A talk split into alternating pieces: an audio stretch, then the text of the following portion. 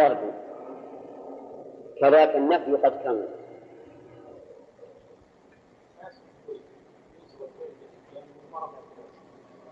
لا ناس قد تكون باسرية عاطفة طيب بعد هذه الأمور أما مر فهو إشارة للأمر نعم كما تقول انزل عندنا فنكرمك وادعو هذا دعاء الله قال الشاعر ربي وفقني فلا أعدل عن سنن الساعين في خير سنن ربي وفقني فلا أعدل وتقول ربي وفقني فأعمل صالحا وانهى ولا تبغوا فيه فيحل عليكم غضب وسل فاسأل يعني استفهام فهل لنا من شفعاء فيشفعوا لنا فهل لنا من شفعاء فيشفعوا لنا منصوبة فعل بأن واعرض العرض كما في قول القائل ألا تنزل عندي فتصيب خيرا ألا تنزل عرض فتصيب خيرا لحظهم هذا التحريم من هذه الآية لولا أرسلت إلينا رسولا فنتبع آية تمنى المراد به التمنى تقول ليت لي مالا فأتصدق منه ليت لي مالا فأتصدق منه وارجو الرجاء الترجي لعلي أبلغ أسباب أسباب السماوات فأطلع إلى إله موسى لعلي أبلغ فأطلع كذلك النفي النفي غير النفي فتقول ما تعلم زيد فيعلمه ما تعلم زيد فيعلمه نعم هذه تسعة مواضع إذا وقعت التاء بعدها فإنه ينسب الفعل كأنه مرأة نعم المثل ما تعلم الزوج فيعلمه طيب قال فنتبع آيات فيها النهي فيه ظنها فيها النهي فيه النهي فيه النهي ظنها طيب. وسمعناه بقوله تعالى ولا تقعوا فيه فلا حلة البيت الثاني ربي وفقني فلا أعدل عنه سنن الساعين في خير سنن قال فنتبع آياتك المرسل بها ونكون من المؤمنين وجواب لولا محذوف المعنى أننا أرسلناك يا محمد إقامة للحجة عليهم ورحمة بهم أن يصيبهم العذاب بدون أن يرسل إليهم رسول فلما جاءهم الحق من عندنا قالوا لولا أوتي مثل ما أوتي موسى قال الله تعالى فلما جاءهم الحق الحق ذكرنا فيما سبق أنه الشيء الثابت وأنه فيما يقابل الأوامر هو العدل وفيما يقابل الأخبار هو الصدق والمراد بالحق هنا قال المؤلف إنه محمد صلى الله عليه وسلم وكأنه عدل به عن المعنى الظاهر منه إلى قوله إيه، عدل من أجل قوله لولا أوتي مثل ما أوتي موسى فلما جاءهم الحق من عندنا قالوا لولا أوتي هذا الحق مثل ما أوتي موسى فكأن المؤلف عدل عن معنى الحق الظاهر إلى أن يكون محمد صلى الله عليه وسلم بهذا ولكن الصواب أن المراد بالحق الوحي الذي نزل على محمد صلى الله عليه وسلم المراد به الوحي الذي نزل على محمد ولهذا قال فلما جاءهم الحق من عندنا والعندية تقتضي القرب وأن يكون ذلك من الله وهذا لا يتصور أنه محمد صلى الله عليه وسلم بل هو الحق الذي جاء به كما أن مثل هذه الآية لما جاءهم الحق من عندنا في جميع مواضع القرآن هي مضطردة أن المراد به الوحي الذي نزل على محمد صلى الله عليه وسلم عرفتم ويكون قوله لولا أوتي أي محمد الذي جاء بهذا الحق ومعنى الآية هنا ظاهر جدا ولا فيه تكلف يقول نقول ان الضمير لولا اوتي يؤيد ان يكون الحق محمد نقول لا حاجه الى ذلك ما دام جاء الحق والذي جاء به من؟ محمد فيكون معلوما ان قوله لولا اوتي يعني محمدا صلى الله عليه وسلم الذي جاء بالحق وليس محمد هو الحق ولهذا ما من اسماء ليس من اسماء الرسول عليه الصلاه والسلام الحق نعم هو صلى الله عليه وسلم صادق فيما جاء به من نبوة ولكنه جاء بالحق نعم فلما جاءهم بالحق قالوا الضمير يعود على من؟ يعود على من جاءهم الرسول عليه الصلاة والسلام قالوا لولا هلا وش معنى هذا هذا التقدير؟ تحضيرية وليست شرطية هلا أوتي أي أعطي مثل ما أوتي موسى يعني من الآيات مثل ما أعطي موسى من الآيات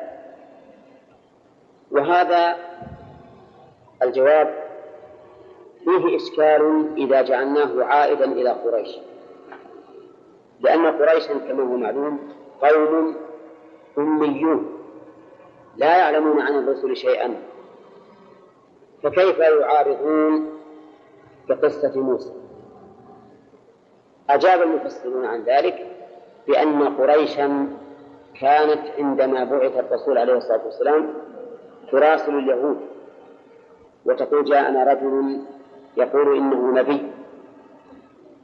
فما هي علامات الأنبياء عندكم فتخبرهم اليهود بعلامات الأنبياء ولهذا عارضت قريش النبي صلى الله عليه وسلم بالآيات التي جاءت لموسى ويحتمل أن أن قوله فلما جاءهم الحق من عندنا قالوا لولا أوتي موسى من قبل مثل ما أوتي موسى من قبل عائدا إلى اليهود لأن الرسول عليه الصلاة والسلام مبعوث إليهم ويؤيد هذا الاحتمال قوله أولم يكفروا بما أوتي موسى من قبل أولم يكفروا بما أوتي موسى من قبل ويقضي صلاة العيد كما الآية نعم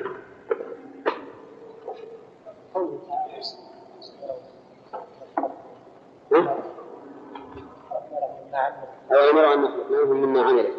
نعم ثم لا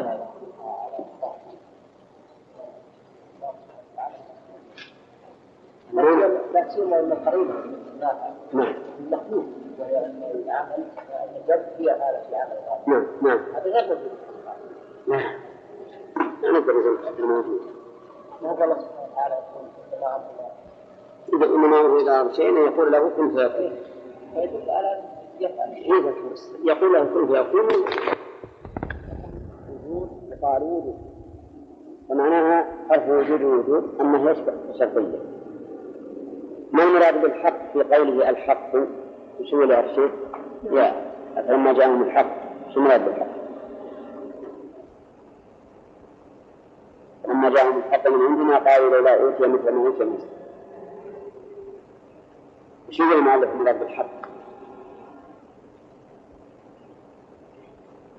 ما أتاه موجود نعم من بقول من حكم السنة القرآن الذي جاء به طيب قول لولا أوتي مثل ما أوتي موسى إيش معنى لولا؟ هلا هلا والضمير في قول أوتي يعود إلى من؟ لا لما نعم. قال لولا أوتي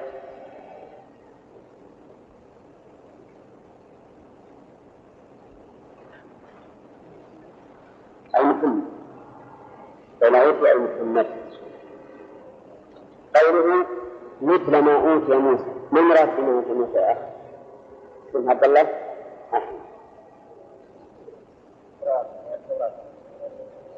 مثل ما أوتي موسى من التوراة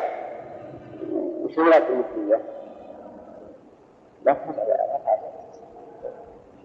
وشو مراد بالمثلية؟ مثل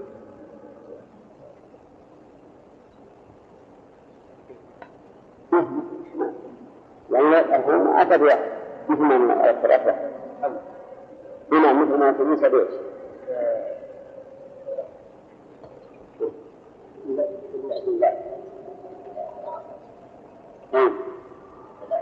وأيضا التوراة في وجودها جملة واحدة مبارة مثل ما أوتي موسى من نزول الوحي جملة واحدة ومن الآيات الموجودة مثل الأرض والسماء فهمتم؟ طيب،, طيب قال الله تعالى أولم يكفروا بما أوتي موسى من قبل ما تقول يا ماهر يكفروا بما أوتي فالضمير يعود على من؟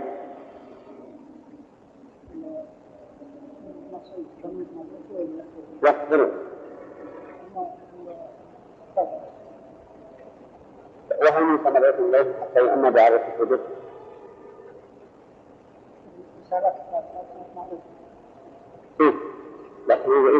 بعضها من لم تصل إليه ما يقال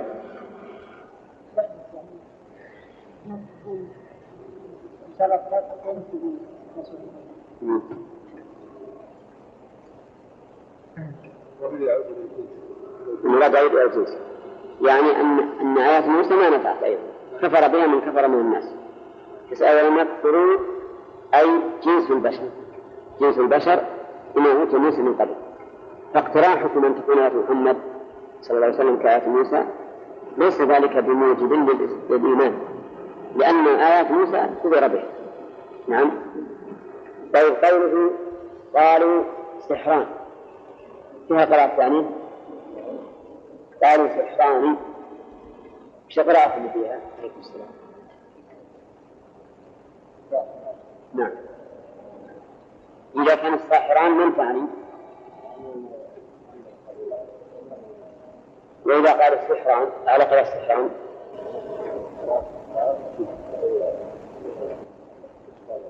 وهنا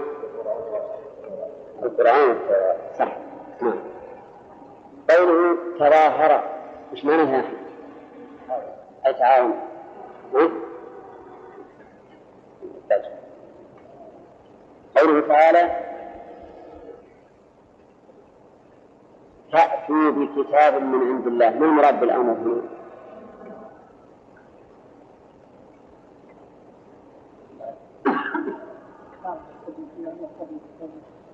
لا فأتوا بكتاب أمر أيوة، مو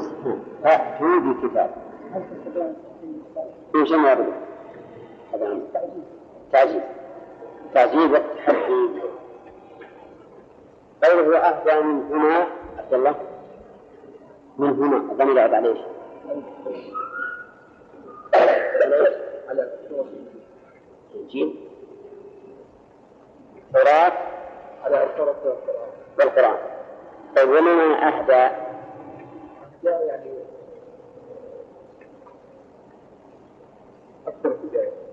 أكمل أكمل هداية طيب ما الذي ما الذي جزم الشريع يا شيخ؟ نعم أحدهما أتبعه العين ساكن مزين وش اللي جبلنا؟ نعم وين نعم.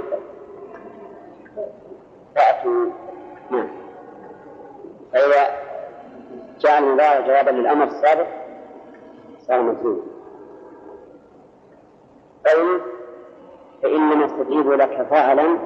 انما يتبعون اهواءهم شو عبد الله؟ انما استجيبوا لك وش يستجيبوا لك ايش؟ يعني ما يجب لك بل اهتموا زين قوله ومن اضل ممن اتبع هواه من اضل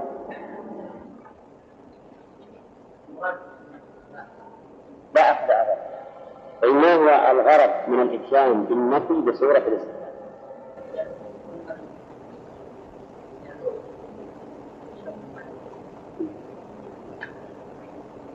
كيف نجمع بين هذه الآية وبين قوله تعالى ومن أضل ممن يدعو من دون الله وكيف يجمع بين الاثنين هذه تقول لا أحد أضل من اتبع هواه ويكتب لا أحد أضل ممن يدعو من دون الله كيف ما بينهما يعني كل واحد تقول أنا أحد أفضل من هذا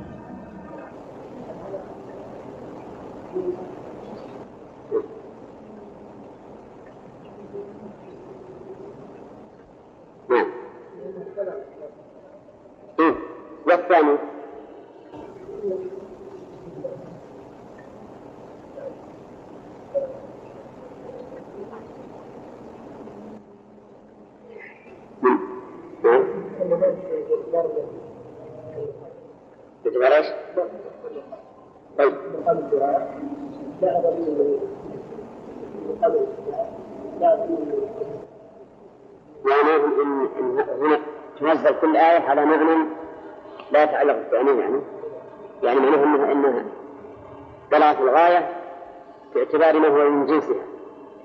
إيه؟ طيب هذا واحد في وجه آخر ما يعني في واحد هناك مرتبة واحد وهذا والله ما قال انه مثلا انه ما, ما في شيء يساوي اذا من اضل فلا يمنع ان يوجد شيء يساوي في ذلك فيكون كل من الأمرين قد بلغ الغاية في الضلال نعم، هذا يعني معناه أنه يجمع بينهما بأحد أمرين إما أن يقال أن كلهما في منزلة واحدة أو يقال من أضل باعتبار هذا المعنى نعم فيكون كل واحد منه ينزل على معنى على معنى طيب نرجع الآن إلى استنباط القواعد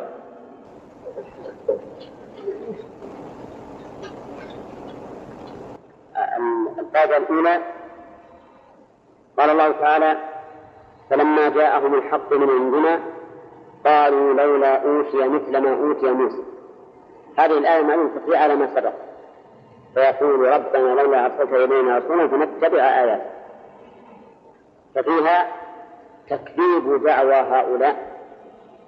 بقولهم لولا أرسلت إلينا رسولا فنتبع آياته فإنه قد جاءهم الحق مع الرسول ومع ذلك كذبوا ولا لا؟ كذبوا وقالوا لولا أوتي مثل ما أوتي موسى ففي الآية تكذيب هؤلاء الذين قالوا لولا أرسلت إلينا رسولا لنتبع آياتك من فوائدها أن ما جاء به النبي صلى الله عليه وسلم فهو الحق فهو الحق والحق بمعنى الشيء الثابت وهو بالنسبة للأخبار إيه؟ الصدق وبالنسبة للأحكام العدل من فوائدها أن ما خالف ما جاء به النبي صلى الله عليه وسلم فهو باطل ما خالف ما جاء به فهو باطل لقوله تعالى فماذا بعد الحق إلا الضلال فماذا بعد الحق إلا الضلال فكل فكل خبر يتضمن تكذيب خبر الله ورسوله فهو الكذب فمثلا إذا قال قائل أصل الإنسان قرد ثم تطور فصار إنسانا ماذا نقول له؟ كذب لأنه يخالف ما جاء به النبي صلى الله عليه وسلم نعم وإذا شرع الإنسان قوانين مخالفة للشرع إن هذا باطل وضلال لأن الحق فيما جاء به الشرع فقط نعم من فوائد الآية بيان عتو هؤلاء المكذبين الرسول عليه الصلاة والسلام عتوهم وعنادهم وهو أنهم كذبوا بالحق بعد أن قالوا لولا أرسلت إلينا رسولا فنتبع آياته ومن فوائد الآية أن قريشا عندهم بعض المعلومات عن الرسل السابقين حيث قالوا لولا أوتي مثل ما أوتي موسى وبأي وسيلة حصلوا على هذا العلم؟ عن طريق اليهود لأنه لما جاء الرسول صلى الله عليه وسلم أرسلوا إلى اليهود يسألون عن أخبار هذا الرجل فكتبوا لهم بما يعرفون من أخباره وبما جاء به موسى من فوائد الآية إثبات رسالة موسى صلى الله عليه وسلم بقولهم مثل ما أوتي موسى من فوائدها أن موسى عليه الصلاة والسلام أعطاه الله تعالى آيات يؤمن على مثلها البشر وهذا ليس خاصا به بل هو لكل رسول بعثه الله لا بد أن نؤتيه من الآيات ما يؤمن على مثل البشر لأن البشر لا تصدق رجلا قال أنا رسول الله إليكم آمركم بكذا وأنهاكم عن كذا واترك ما كان عليه آباؤكم من عبادة الأصنام واترك ما كان عليه آباؤكم من تحريم الحلال وما أشبه ذلك ما يقبل إلا بآيات تدل على صدقه وتؤيده طيب ومنها أيضا من فوائد الآية إبطال حجة هؤلاء المكذبين إبطال حجته أولم يكفروا بما أوتي موسى من قبل ومن فوائدها أيضا أنه ينبغي في مقام المناظرة والمجادلة أن يفحم الخصم بإبطال قوله بقوله أو بفعله إن هب الخير بما جرى منه هو لماذا؟ لأن ما جرى منه لا يمكن أن ينكره ولو أنكره ما قلت فكوننا نقيم الحجة على الخصم من فعله وقوله هذا أبلغ في إفحامه فتبالكم أولم يذكر ابن أوت موسى من قبل ومنها أن طبيعة البشر واحدة أن طبيعة البشر واحدة بناء على أن قوله أولم يكفروا أن ضمير يعود على جنس الإنسان لأن الطبيعة البشرية واحدة ومنها من فوائد الآية أيضا أنه ينبغي أيضا عند عند المخاصمة أو عند المناظرة إبطال قول الخصم بالواقع انك تلقى الخصم قول الخصم في الامر الواقع مهم في الامر الواقع فان الايات التي جاء بها موسى وقعها هؤلاء كذبت ولا ما ولا ما كذبت؟ ها؟ كذبت كذبت ما ما امن بها البشر اذا فالمدار ليس على جنس الايات ولكن المدار على ايش؟ على حال المخاطب المصادف كل في الآيات قائمة مبينة لكن ما تؤمن آياته النذر عن قوم لا يؤمنون ومنها أن أهل الباطل يلقبون أهل الحق بألقاب السوء تنفيرا للناس عن قبوله من في قالوا سحران أو ساحر قالوا ساحران تظاهرا أو سحران تظاهرا فسواء وصفوا ما جاءت به الرسل بالسحر أو وصفوا الرسل أنفسهم بالسحر بين المقصود بذلك التنفير تنفير الناس عن قبول ما جاءت به الرسل طيب هل نقول إن هذه القاعدة ثابتة لأتباع الرسل؟ بدليل قوله إن الذين أجرموا كانوا من الذين آمنوا يضحكون وإذا مرضوا يتغامزون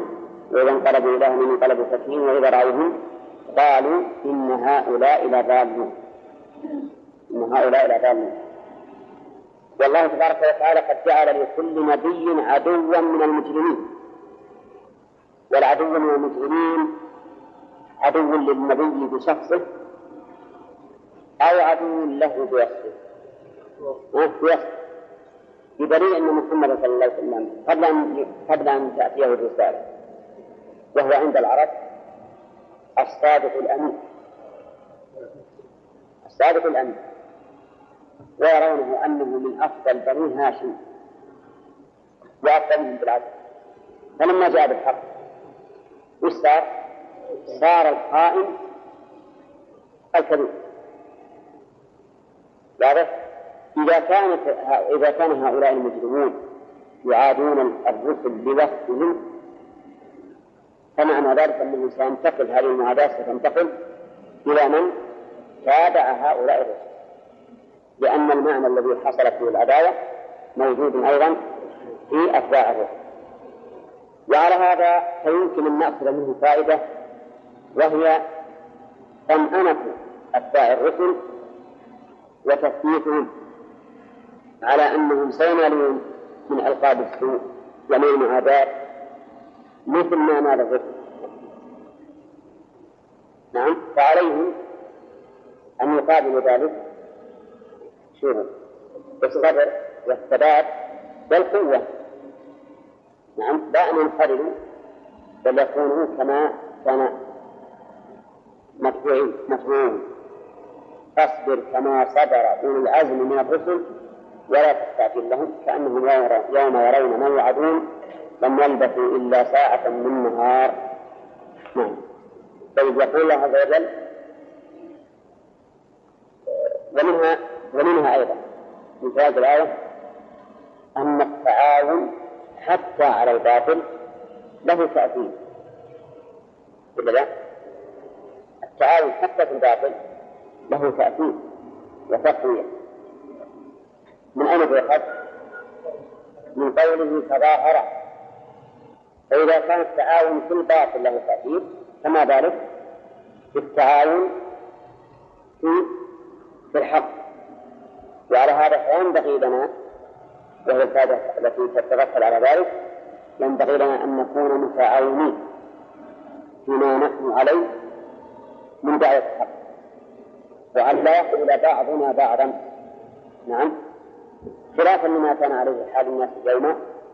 فإنهم في هذا الباب ليسوا بالمتعاونين حتى حتى أهل الحق وأهل الدعوة تجدهم غير متعاونين عليكم السلام لأنهم أولا يمكن واحد ما هم ولا نفسه وثانيا أنهم ربما يختلفون في أمر بسيط جزئي من أمور الدين ويتعادلون على ذلك نعم ممكن يقال في كيفية رفع اليدين عند تسوية الأحيان هذا يقول ترفع إلى فروع اليدين وهذا يقول ترفع إلى المنكرين ثم إذا أنت أنت على ضلال ثم يقول أنت على ضلال ثم ماذا ماذا ماذا تكمل هذه الكلمة؟ إيه؟ الحب والبغضة والعداوة وأنا قد قصدت عليكم قصة طائفتين من أهل أفريقيا كل طائفة تكفر الأخرى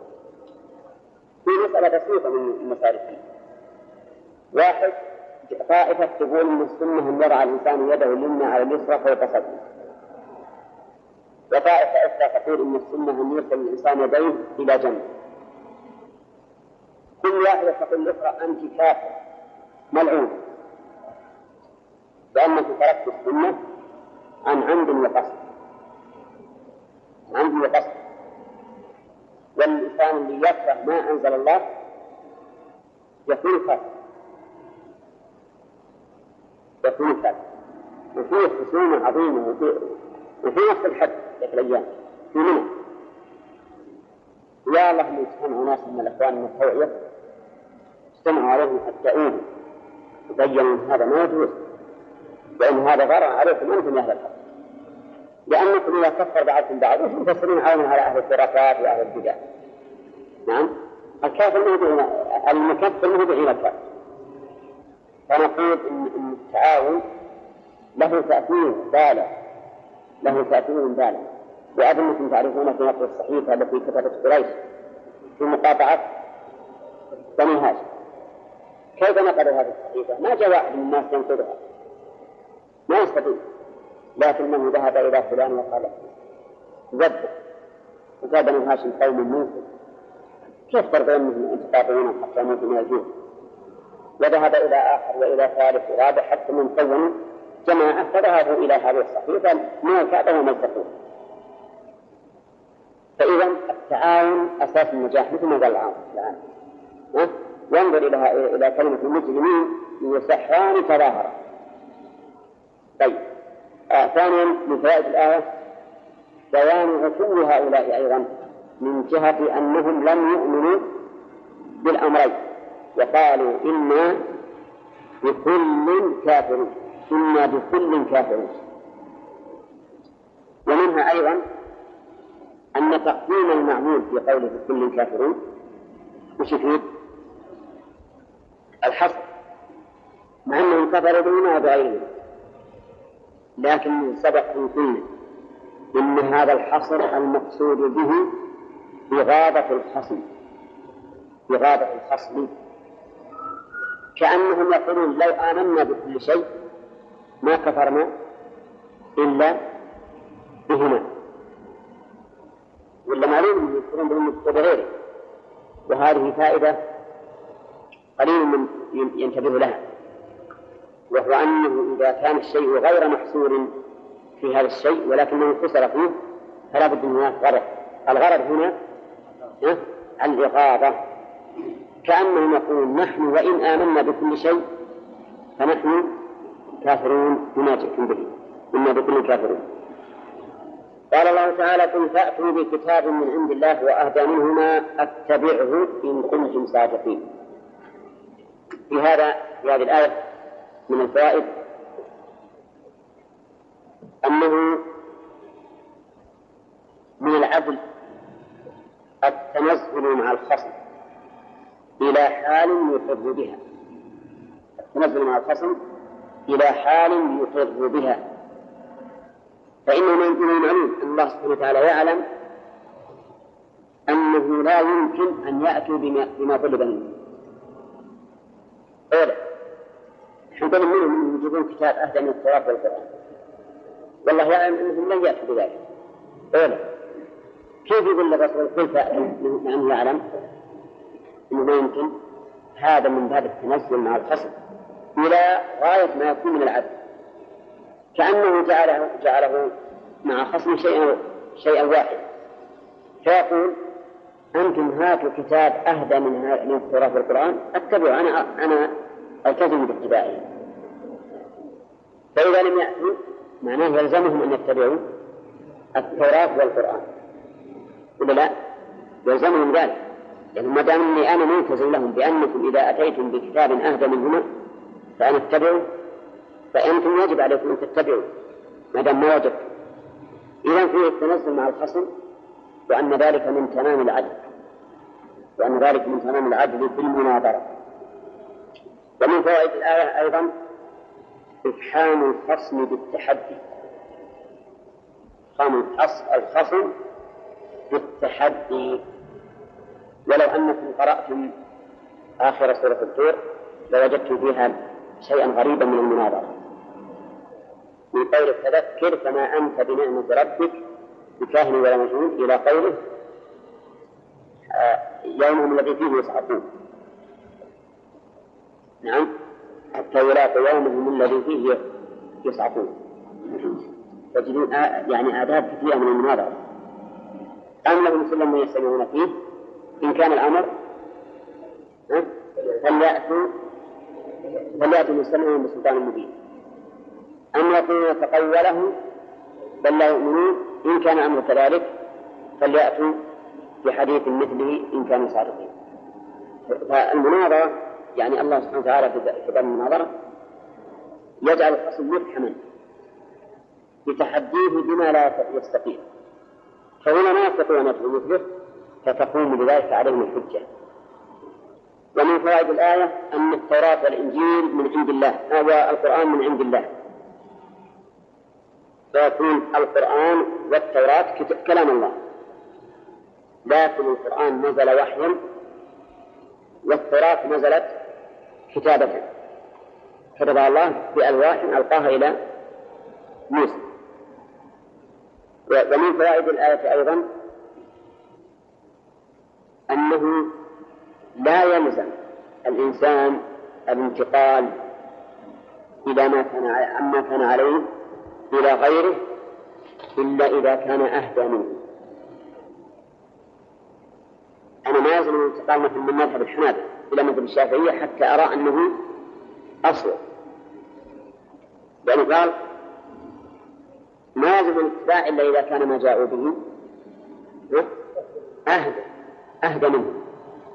أما إذا كان مساويا فأنتم لا تلزمون وأنا لا ألزمك إذا كان مساويا إنما الإلزام متى؟ حينما يكون ما جاء به الخصم أهدى مما أنا عليه وهذه هذه فائدة مهمة جدا ف وهي لا يلزم الإنسان الإنسان الانتقال مما هو عليه من طريقته ومذهب إلا إلا إلى من هو أصوب وأهدى وأهدى منه منها أما إذا عند التساوي فإنه لا يلزم ولا يلام أيضا إذا لم ينتقل وأما أيضا إذا كان ما دعا إليه أدنى فإنه من باب أولى لا يلزم بل فالمراتب الآن ثلاث إما أن يكون ما تدعى, ما تدعى إليه أدنى مما أنت عليه أو أهدى أو مساوية إن كان أهدى كالواجب يلزم الاتباع وإن كان أدنى حرم الاتباع بقينا إذا كان مساويا هل يلزم الاتباع أو يحكم أو يخير فيه الإنسان العلماء يقولون في مثل هذه الحال يخير يخير الإنسان قالوا وإذا أفتاه عالمان ولم يكن أحدهما عنده أرجح فإنه يخير في اتباع أي القولين شاء اتباع أي القولين شاء وربما يؤخذ من هذه الآية ربما يؤخذ حكم هذه المسألة من هذه الآية لأنه ما ما أوجب الله الوفاء إلا إذا كان رحمه الله إلا إذا كان أهدى ومعلوم أنه إذا كان أدنى فإن فالاتباع محرم فيبقى المساوي ليس إلى جانب التحريم وليس إلى جانب الوجوب وهذا وهذه مرتبة التحريم هذه مرتبة التحريم ومنها أيضا من فوائد الآية الأمر أن التحدي أيضا يكون بالوصف كما يكون بالفعل فأتوا تحدي بفعل مو آتوا به إن كنتم صادقين تحدي بالوصف إن كنتم من الصادقين أننا أننا أنتم عليه حق فأتوا بهذا وإلا فأنتم وإلا فأنتم من الكاذبين ولهذا قال إن كنت نعم فاتبعوه إن كنتم صادقين قال الله تعالى فإن لم يستجيبوا لك فاعلم أنما يتبعون أهواءهم ومن أضل ممن اتبع واجب أراد من الله إن الله لا يتقى مظالمه قول فإن لم يستجيبوا لك أي فإن انتفى استجابتهم لك ففيه جواز التعليق بالشرط فيما هو محقق الوقوع جواز التعليق بالشرط فيما هو محقق الوقوع أنا أفهم من هذا ها؟ يعني معناه كل ما تجب لك هذا أمر محقق فهل يظن الظان أن فيه احتمالا أن يستجيبوا؟ ها؟ ما في ما ما أظن ولهذا إذا فنقول جواز تعليق الشيء المحقق بالشرع ولو كان محققا أنه لن يكون وكذلك ولو كان محققا أنه كائن فإن هنا الانتفاء كائن لا محالة ومع ذلك علق بالشرع وفي الحديث عن النبي عليه الصلاة والسلام قال وإنا إن شاء الله بكم لاحقون يقول الآن المقابر فمعلوم أن هذا الأمر محق نعم قال أي نعم ومنها أيضا أن هؤلاء المكذبين للرسول صلى الله عليه وسلم ليس عندهم حجة سوى اتباع أهوائهم لقوله تعالى أنما يتبعون أهواءهم وهل معنى ذلك أي فلا تجادلهم؟ لأن المتبع هواه مسلم كافر اللي يتبع هواه كافر ما تقدر ما دام انه ما هو يريد الحق وإنما يريد أن ينتصر لنفسه فقط ويتبع هواه فأعتقد أن هذا هذا أن مثل هذا الرجل ما يمكن أن يجادل بل جادل ما دام ما دام صاحب هواه ما في فائدة فهل نقول إنه يستفاد من هذه الآية أنه إذا علم بأن المجادل يريد اتباع هواه فإنه لا فائدة من جداله لأنه إطالة وقت إضاعة وقت نعم نعم يقول هكذا لأنه قال فاعلم أن ما يتبعون أهواء يعني ولا فائدة من جداله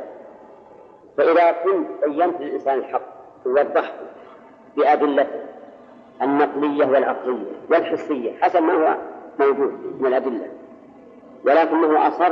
إلا أن يبقى على ما كان عليه فاعلم أنه متبع الهوى ومتبع الهوى مشكل ما ما هو الإنسان يتطلب الهدى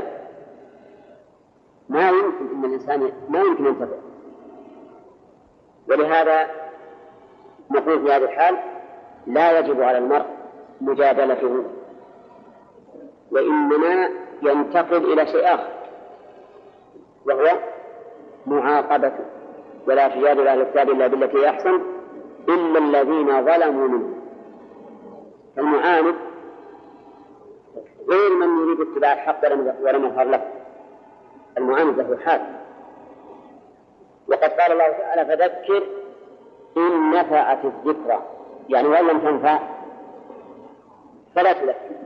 إن لم تنفع فلا تذكرني وهذه تقدم الكلام عليها هل هذا الشر له مفهوم أو ليس له مفهوم؟ ها؟ نعم نعم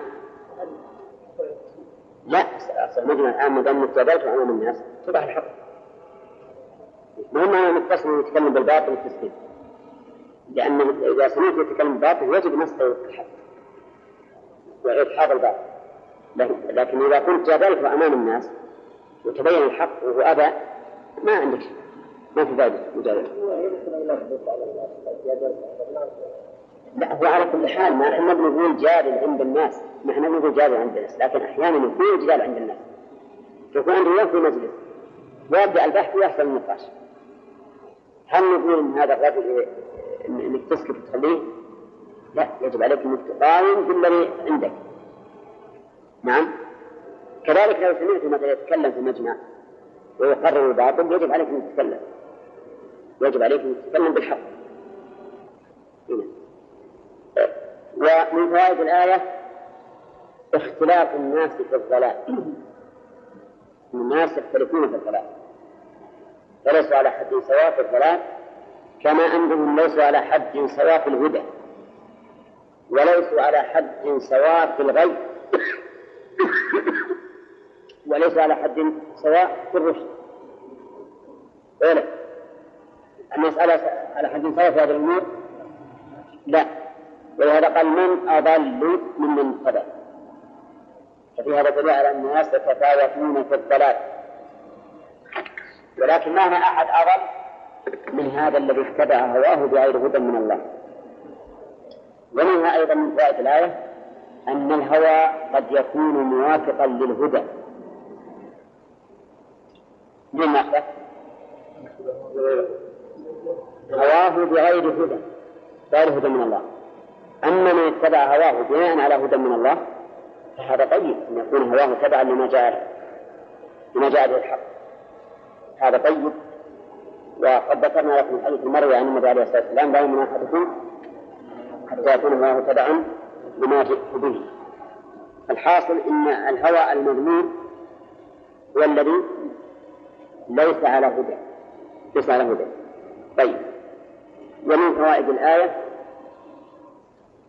أن الظالم قد عرض نفسه بحرمانه من الهدى أو إن شئت فقل أن الظلم سبب لحرمان الظالم من الهدى لقوله لقوله إن الله لا يهدي قوم الظالمين والظالم هو الذي حرم نفسه الهدى وقوله إن الله لا يهدي والقدرية يرون أن الإنسان يمكن أن يهتدي بنفسه وليس لله تبارك وتعالى وليس لله تبارك وتعالى عليه أي سلطة لأنهم والعياذ بالله القدرية مشيرين بالنسبة لقدر الله لا نعم أن الأمر أنف بمعنى الله ما قدر أفعال العباد وإني أنا أفعل وأترك اختياري المجرد المحض وليس لا فيه أي مشيئة ولا خلق ولا شيء لكن إن الله لا يهدي القوم الظالمين يرد عليهم يرد عليهم كما أنه أيضا يرد على الجهمية الجبرية الذين يقولون بالجبر لأن الله تعالى نسب هؤلاء بفعلهم إلى إيش؟ إلى الظلم ولو كانوا مجبرين عليه لكان نسبة الظلم إليهم ظلما والله تبارك وتعالى لا يظلم أحدا ففي الآية إذا رد على القدرية ورد على من؟ ورد على الجبرية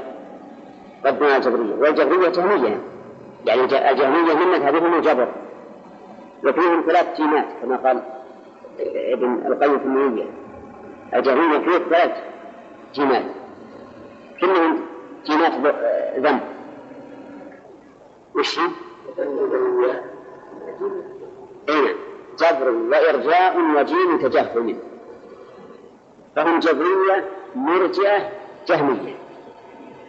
نعم الله يكون سبع جنات الثلاث نعم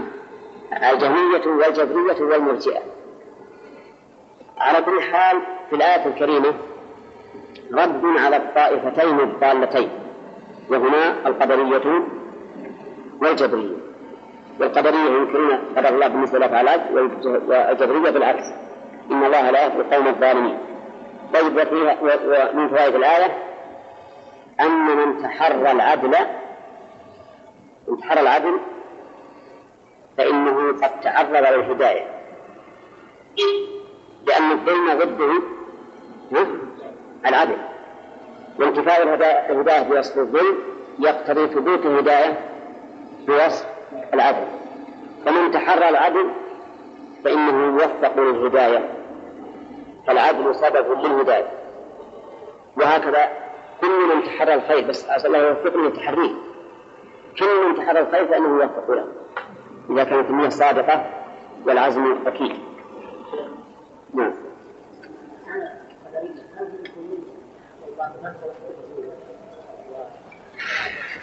أيوة، نعم.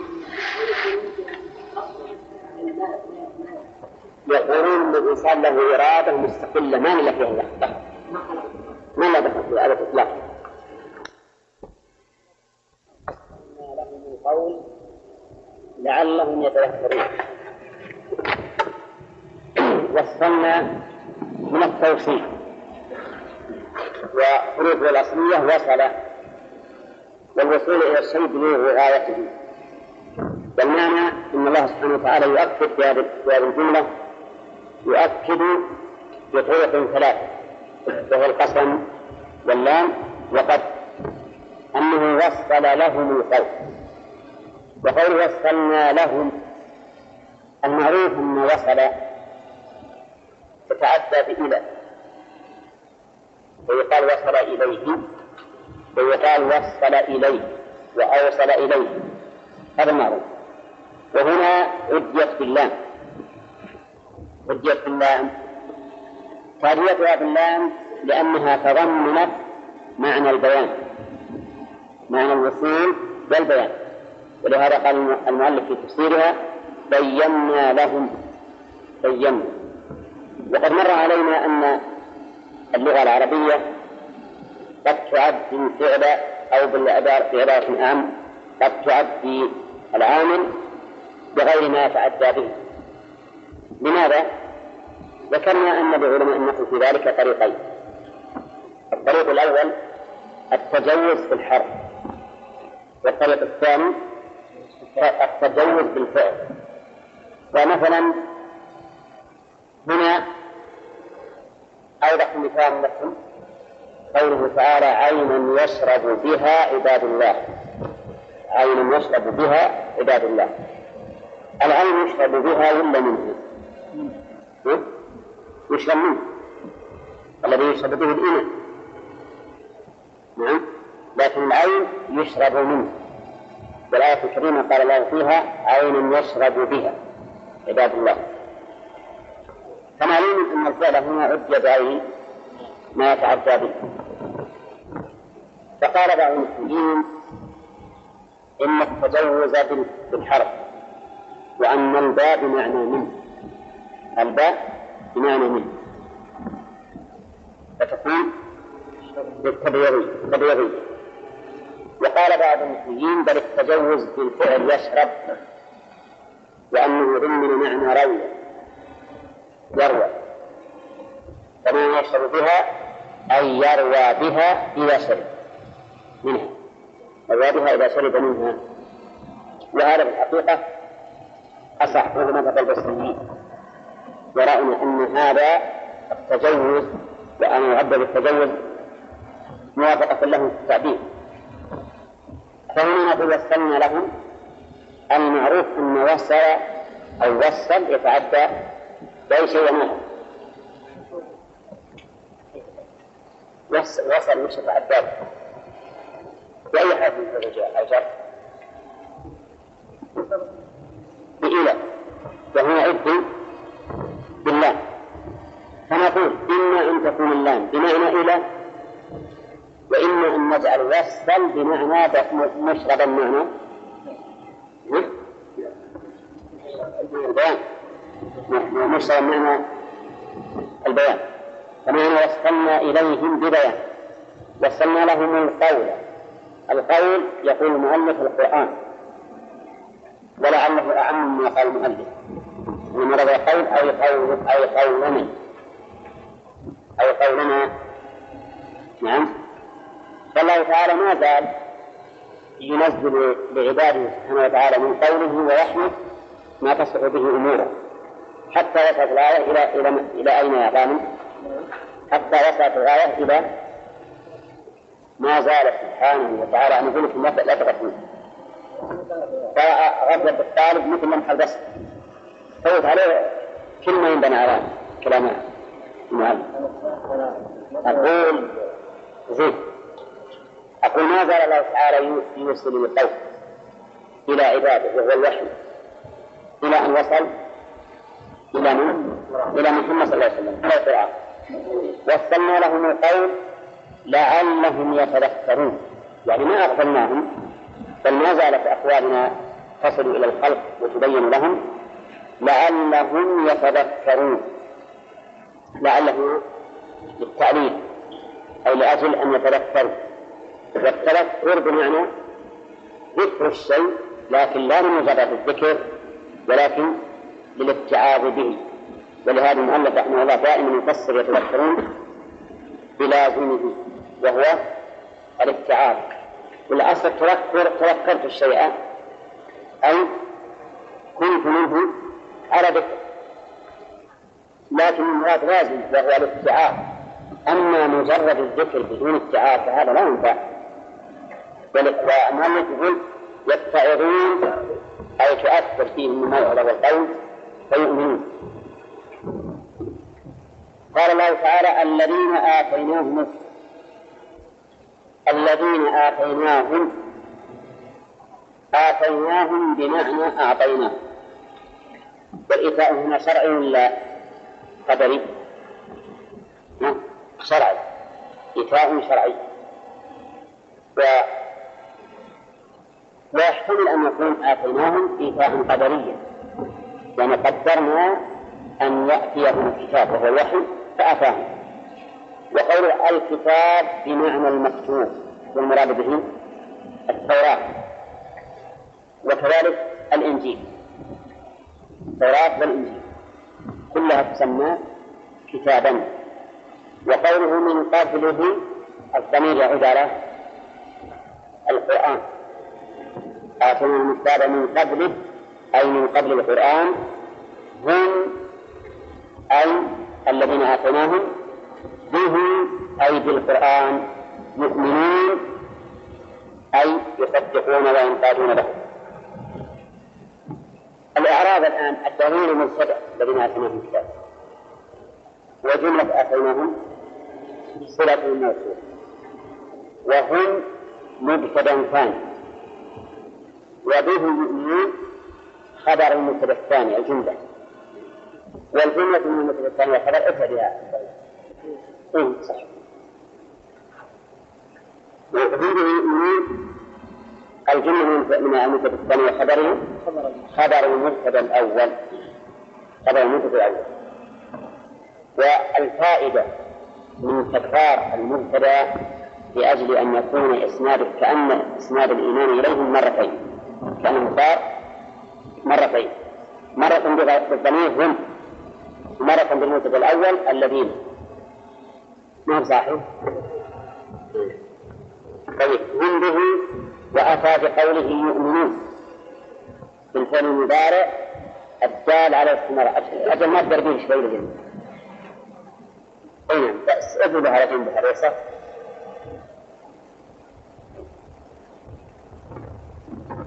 أتى بالفعل المضارع الدال على الاستمرار الدال على الاستمرار إشارة إلى أنهم تلقوه عن قبول وإذعان وأنهم ما زالوا على هذا على هذا الأمر وهذه الجملة بالنسبة لما قبلها في المعنى كأنها إقامة دليل على الذين كذبوا بالقرآن إقامة دليل على الذين كذبوا يعني كأنه يقول الذين أوتوا الكتاب من قبلكم آمنوا بالقرآن مما يدل على إيش؟ على أنه حق ولا باطل؟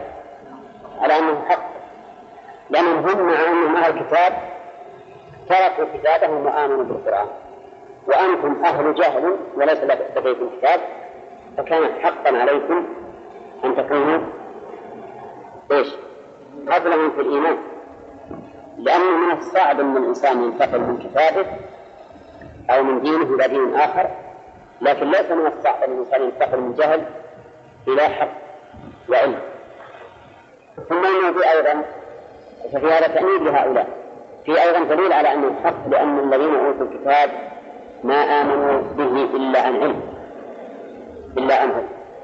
وهو كذلك فإنه ما في الشك أن النبي صلى الله عليه وسلم كان مكتوبا عند بني إسرائيل في التوراة والإنجيل يعرفونه كما يعرفون أبنائهم حتى أوصافها الخلقية موجودة عنده بقطع النظر عن منهاجه وسيرته يأمرهم بالمعروف وينهاهم عن المنكر ويحل لهم الطيبات ويحرم عليهم الخبائث ويضع عنهم أسرهم والأغلال التي كانت عليه هذا كله موجود في توراه الإنجيل ومعروف ولهذا تجمع اليهود في المدينة من أجل أن يستقبلوا هذا النبي الذي وجدوا وجدوا صفته عندهم فيؤمنون وكانوا كما قال تعالى وكانوا من قبل ايش؟ يستفتحون على الذين كفروا أي يستنصرون عليهم بهذا النبي فلما جاءهم ما عرفوا كفروا به فالحاصل أن في هذه الآية, الآية أقول إنها وجه تعلقها بما قبلها من, من وجهين الوجه الأول تأنيب هؤلاء الجاهليين وش عليه؟ على الكفر بمحمد صلى الله عليه وسلم مع أن أهل الكتاب وهم على دين انتقلوا من دينهم إلى دينهم فكنتم أولى أولى باتباعه والوجه الثاني أنه إقامة دليل على صحة ما جاء به الرسول عليه الصلاة والسلام لأن هؤلاء الذين عندهم علم من ما انتقلوا إلا عن علم بأنه حق وهذا المناسبة واضحة جدا بين هذه والنص التي قبلها ولا ريب أيضا أن في هذه الآية ثناء على الذين آمنوا بالرسول عليه الصلاة والسلام من الذين أوتوا الكتاب ولهذا آفته هم به يؤمنون فلم يستكبروا عنه مع أن لديهم كتابا نعم الرسول قال ما على اليهود من قبل به يؤمنون مثل علم لغيره لا انسى القول ماذا ما جاء من قبل هذا الكتاب حجة قول ما أتاهم الذين من قبل نعم ولا نبي ولا نبي ولا لكن هذا من باب من باب الجنس يعني معناه اننا ما تركناهم بل ان القول وصل اليهم كما وصل الى غيرهم ما قلنا في التفسير ان الله ما زال سبحانه وتعالى ينزل الكتب على من سبق قال ايضا شلون ايضا؟ هم به يؤمنون أيضا شنو أيضا؟ يعني يعني كما كما آمنوا بكتبهم كما آمنوا بكتبهم وأيضا يقولون إنها من الأسماء الملازمة للنص على المصدرية وأن فعلها أعضى يئيض أيضا مثل باع يبيع بيعا وأن معناها رجع معناها رجع نعم فالمعنى أنهم هم أيضا يؤمنون بالقرآن قال المؤلف نزلت في جماعة أسلموا من اليهود كعبد الله بن سلام وغيره ومن النصارى قدموا من الحبشة ومن الشام وكذلك من غير الشام آمن أسلموا من اليهود مثل عبد الله بن سلام واشتهر عبد الله بن سلام بالإسلام وهو من اليهود لأنه كان حبرا من أحبار اليهود وكان كما قال اليهود عنه في حضرة النبي عليه الصلاة والسلام إنه خير خيرهم وابن خيرهم وسيدهم وابن سيدهم معترفون له بالفضل والعلم والسيادة نعم فلهذا كانوا يضربون به المثل لأن مثل هذا يا جماعة الذي يكون سيدا في قومه قد تحمله السيادة على الغناء وقد تحمل هذا الحب الرئاسة على عدم الاتباع لغيره لأنه إذا تبع غيره صار مرؤوسا لا رئيسا ولا لا؟ لكنه رضي الله عنه أبه تواضع على الحق تواضع على الحق فكان مؤمنا بالرسول عليه الصلاة والسلام وقصة إيمانه معروفة يعني الرسول خبأه ودعا اليهود وسألهم عنه وأثنوا عليه وسألهم عن رسالة الرسول فكذب الرسول عليه الصلاة والسلام فقال لهم ما رأيكم لو أسلم عبد الله بن سلام قالوا حاشاه من ذلك نعم نعم لأنه خيرهم فخرج وقال أشهد أن لا إله إلا الله وأن محمدا رسول الله فما خرجوا إلا وهم يثنون عليه شرا ما عليه شر لأنه أسلم كذلك وما ذلك جماعة من النصارى قدموا من الحبشة هذا ما أعرف له مثال تعرفون الله مثالا قدم النصارى من نجران وأسلموا وفيهم مزرعة وإذا سمعوا ما أنزل الرسول فالعالمون بين الدم ولكن الحبشة المعروف أنه أسلم فيها النصارى مثل من؟ مثل النجاش لانه أسلم ودخل دين الإسلام وهو على دين النصرانية ووصف النبي عليه الصلاة والسلام بأنه أخ للصحابة وأنه رجل صالح وهو كذلك يعني أخ لهم ورجل صالح فالمهم على كل حال ما هم من أعيان الذين أسلموا المهم أن من الذين أوتوا الكتاب من اليهود والنصارى قوم آمنوا بالقرآن أيضا وإذا يتلى عليهم القرآن قالوا آمنا به ما شاء الله إذا يتلى قالوا إذا كما نعرف شرطية وجواب الشرط متصل بفعله مباشرة أولا بفعل الشرط جواب الشرط متصل بفعله مباشرة أولا إيه؟ أسألكم هذا قاعدة عامة جواب الشرط يكون متصلا بفعله مباشرة بمعنى أنه متى وجد فعل الشر وجد جوابه هنا قال اللفظ الاتصال الوقوعي إذا وجد الشرط وجد المشروع نعم قد بالكم وطبعا على حسب الحاجة مو معناه قد يكون فورا قد يكون حتى في المستقبل فهنا يقول إذا يتلى عليهم قالوا آمنا إذا يسأل لم يقل إذا سمي فمعنى ذلك أنه أي آية عليهم يقولون آمنا بها ما آمنوا جملة بالقرآن جملة آمنوا بالقرآن تفصيلا لأن الفعل المضارع وش يدل عليه؟ يدل على الاستمرار فكلما طلت عليهم آية آمنوا بها فزادتهم إيمانا إذا يتلى عليهم أي يقرأ عليهم قالوا آمنا به مع تردد ونظر التفكير إلا على قوله على طول لأن كل من جوار الشرط يلوي فعل الشرط مباشرة إذا يتلى قالوا آمنا به أي بالذي تلي عليهم من القرآن قليلا كان أو كثيرا ثم بينوا أن إيمانهم هذا عن اقتناع وعلى أساس إنه الحق من ربنا إنه أي ما تدل عليه من القرآن الحق بمعنى الشيء الثابت الواقع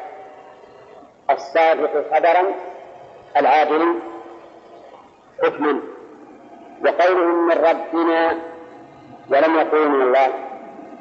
بأن الرب هو الذي له التصرف المطلق فهو يتصرف بعباده شرعا بعد وقدرا يتصرف بهم شرعا وقدرا فكأنهم يقولون إن ربنا لن يخلينا من أن ينزل القرآن وله الحكم والتصرف المطلق كونا وشرعا كونا وشرعا وقولهم من ربنا هذا إشارة إلى أنهم رضي الله عنهم يفتخرون بانتسابهم إلى الله من ربنا وقوله إنه الحق من ربنا الجملة من حيث المعنى محلها مما قبلها تعليمية تعليمية يعني آمنا به لا لأنه أعجبنا حسنه وبيانه وبلاغته ولكن أعجبنا آه ولكن آمنا به لأنه الحق من ربنا فإذا قال قائل إنه إذا كانت تعليلية فلماذا لا تفتح الهمزة أنه الحق من ربنا لأن الجملة التعليلية على تقدير اللام واللام إذا اتصلت بإن وجب فتحهم لك فتقول لأن ذلك كذا ولا تقل لإن ذلك كذا قال الله تعالى والذين يؤتون ما آتوا وقلوبهم وجلة أنهم إلى ربهم راجعون ولم يقل إنهم إلى ربهم فهنا لماذا لم تكن تعليلية قلنا الجملة التعليلية قد تكون تعليلية من حيث المعنى فقط يعني يلاحظ بها المعنى فقط وقد تكون تعريضية يلاحظ فيها اللفظ مع المعنى فإن لوحظ معها اللفظ مع المعنى فإنها تفتح الهمزة لأنها على تقدير اللام وإن لوحظ المعنى فقط فإنها تكسر الهمزة فإنها تكسر الهمزة وهنا روح ايش؟ المعنى فقط روح المعنى فقط ملاحظة المعنى وملاحظة اللفظ أيهم أولى؟ يقول لكل مقام مقال فملاحظة المعنى فائدتها أن أن الجملة تكون من حيث اللفظ منقطعة عما قبلها فكأنها جملة خبرية مستقلة كما جملة خبرية مستقلة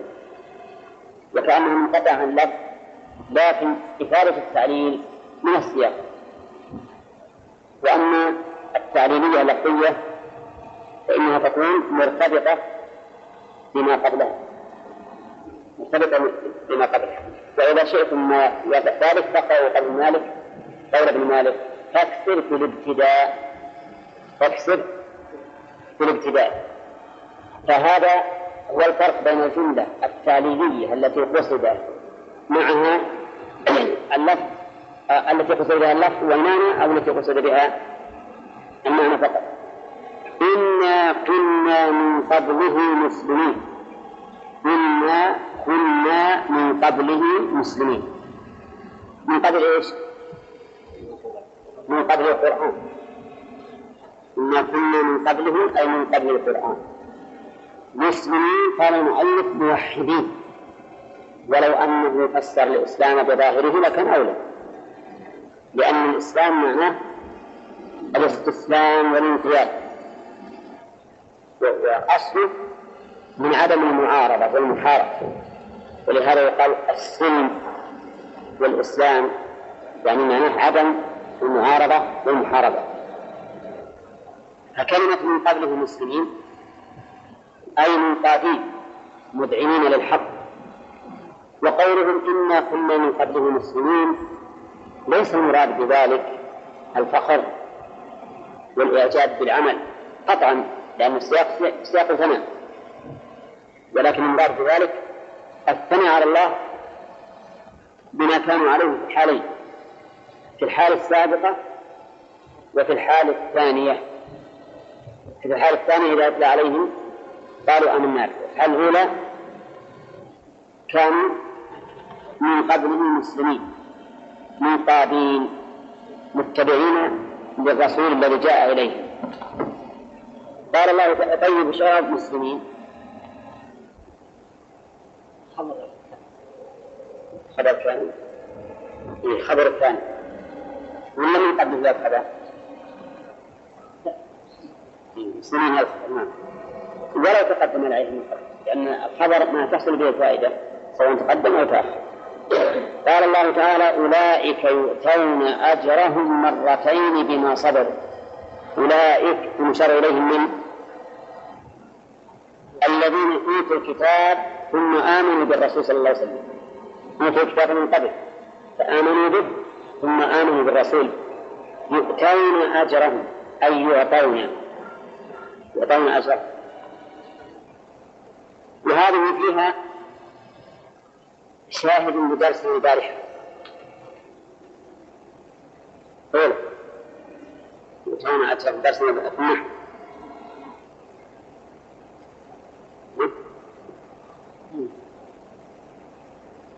ما حفظت من لا هذه مقتنى من باب من باب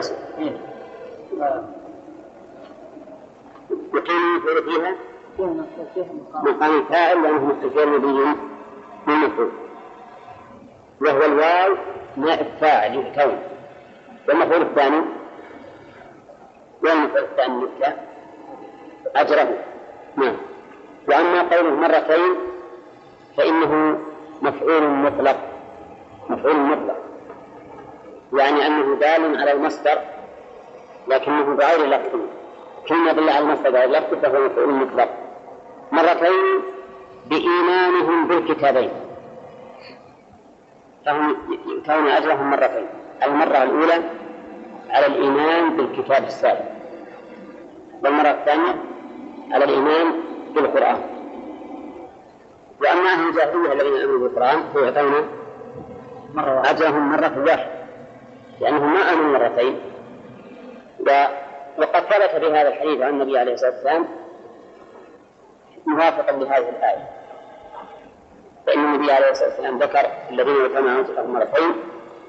الرابع الرجل الذي آمن بالكتاب الذي نزل إليه ثم آمن بما أنزل على محمد والرجل يعتق المرأة ويتزوجها والثالث الرجل تكون عنده جارة فيؤدبها والثالث آه، العبد الذي أحسن في عبادة الله وفي معاملة مواريث قال يؤتون أجرهم مرتين بما صبروا الباء للسببية وما مصدرية ما مصدرية وما معنى المصدرية أو ما علامتها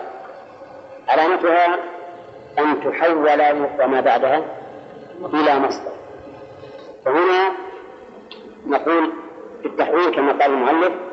بصبرهم بصبرهم وأسألكم الآن هل تصح أن تكون ما مصدري آه، ما اسما موصولا؟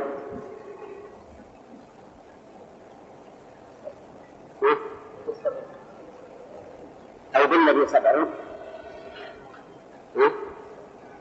يصح أو بالذي صبروا وكان أجرهم مرتين بالذي صبروا لا ما يصح وش يعني بالذي بسبعه؟ ثم لو كانت موصولة لكانت على تقدير الضمير الذي صبروه وهذا ما يستقيم فإلى هنا تعين تكون مصدرية أي بصبرهم وهو أحد ماء العشرة أحد ماء العشرة وكذلك لا تبقى في أذهانك حافظة تفاح علينا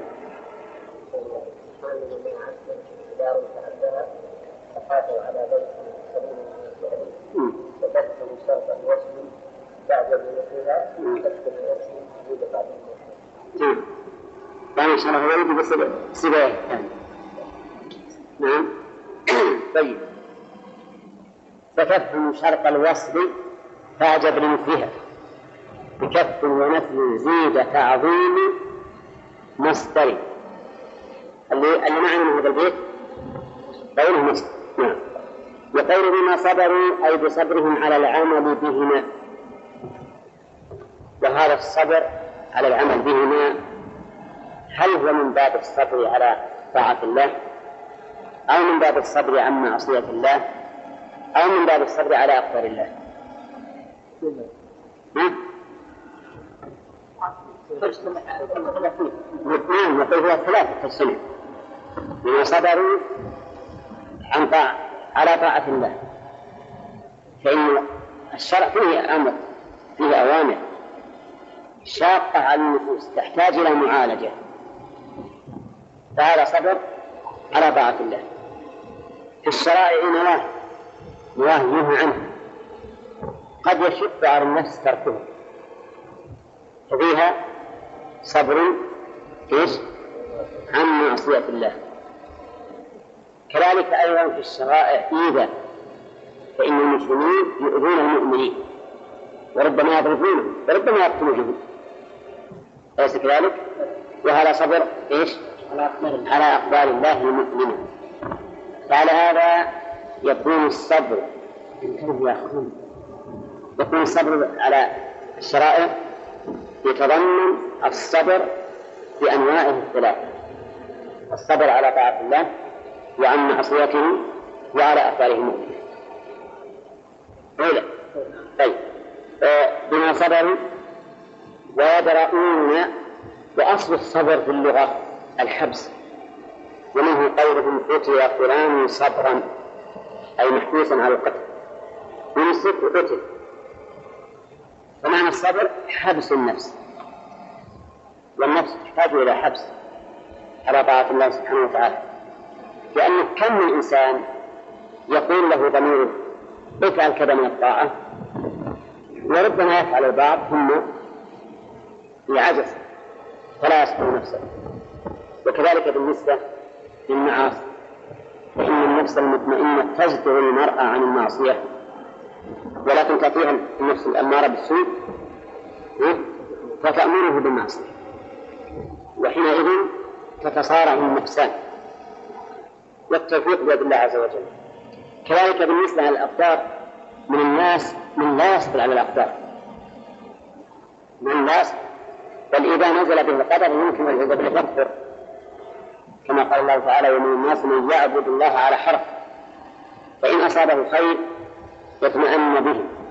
وإن أصابته فتنة انقلب على وجهه خسر الدنيا والآخرة ذلك هو الحسام المبين فإن بعض الناس قد لا يصبر على على على الأقدار المؤلمة وتجده وقت في ناس يقال إنهم إذا أصيبوا بالمصائب انتحروا هؤلاء غاية غاية في الصبر لا بالعكس طول الصبر هؤلاء ما صبروا على الأقدار فقتلوا أنفسهم ليعذبوا بما قتلوا به أنفسهم في نار جهنم والعياذ بالله ويخلدون فيها لكن الصبر على الأقدار المؤلمة هذا أمر يمكن الإنسان يصبر عليه يعني يحاسب نفسه حتى يستقيم فأفهم أن الصبر إذا ثلاثة أقسام صبر على طاعة الله وعن معصيته وعلى أقداره المجرمة أيهما أعلى وأكمل؟ إيه، من حيث هو على طاعة الله الصبر على الطاعة أفضل لأن فيه جهادان أو جهادين جهاد على العمل وجهاد على تحمل العمل ثم الصبر عن المعصية لأن فيه إلا جهاد واحد على العمل ولا على نعم، تحمل تركه تحمل تركه ما في عمل يقال لا تزني لا تزني ما ما ما كلفت بفعل شيء نعم الصبر على أفعال المؤذية أو المؤلمة هو أدناه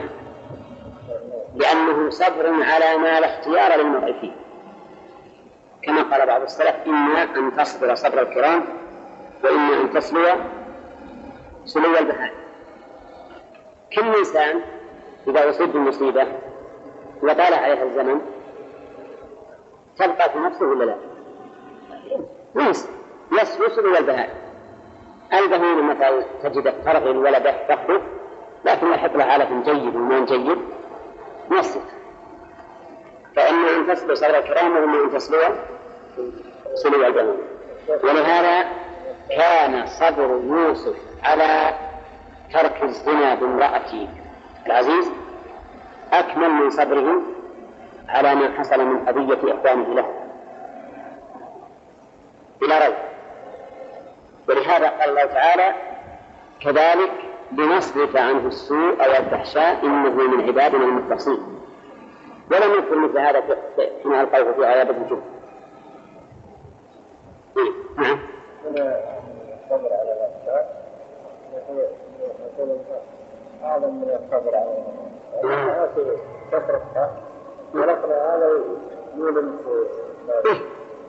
لكن شيء غير اختيارك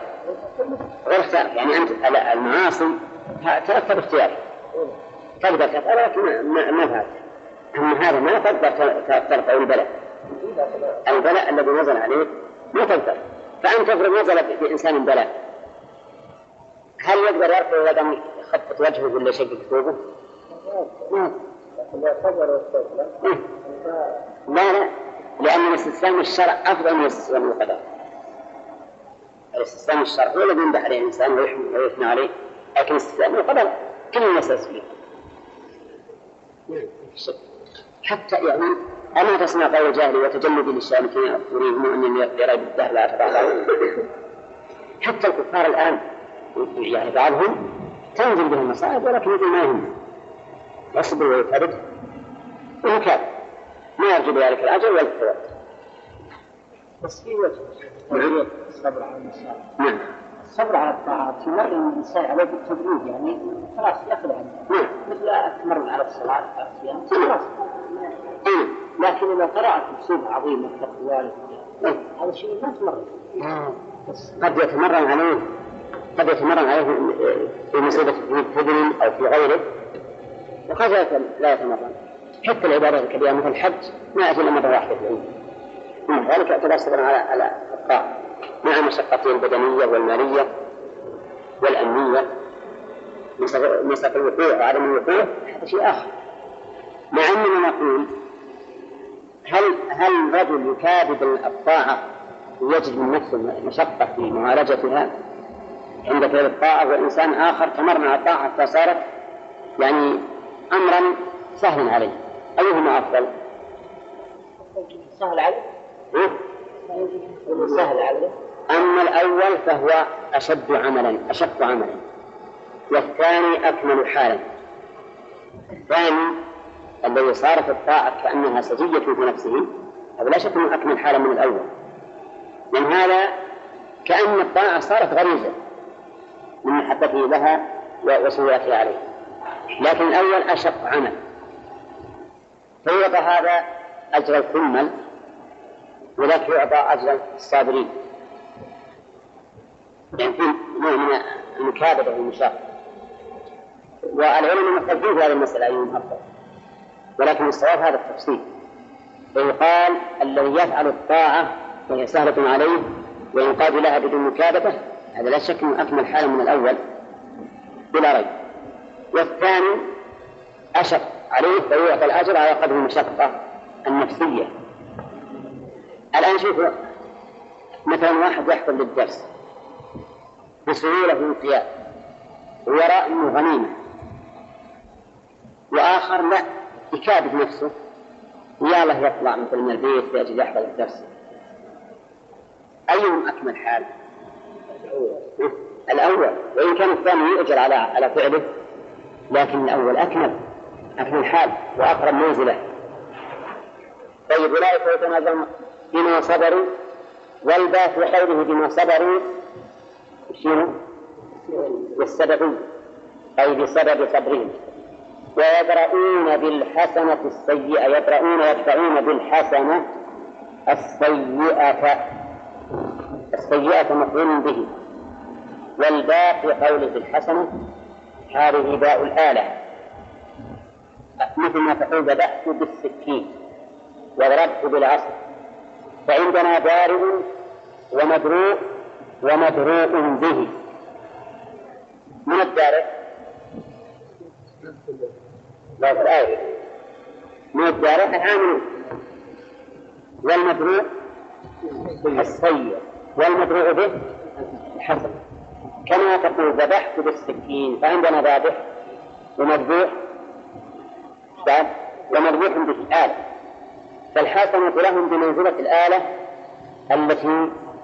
يتوصلون بها إلى غرضهم يبرؤون بالحسنة السيئة السيئة يقول المؤلف منهم فإذا فعلوا سيئة أتوا بعدها بحسنة فاندفعت السيئة أتوا بعدها بحسنة بعد السيئة هذه الحسنة المبروء بها السيئة تنقسم إلى قسمين قسم تزيل السيئة من باب المقابلات وقسم آخر تزيل السيئة من باب النحو والإزالة كذلك مجموع الحسنات التي جرى إليها السيئات تنقسم إلى قسمين قسم من باب المقابلة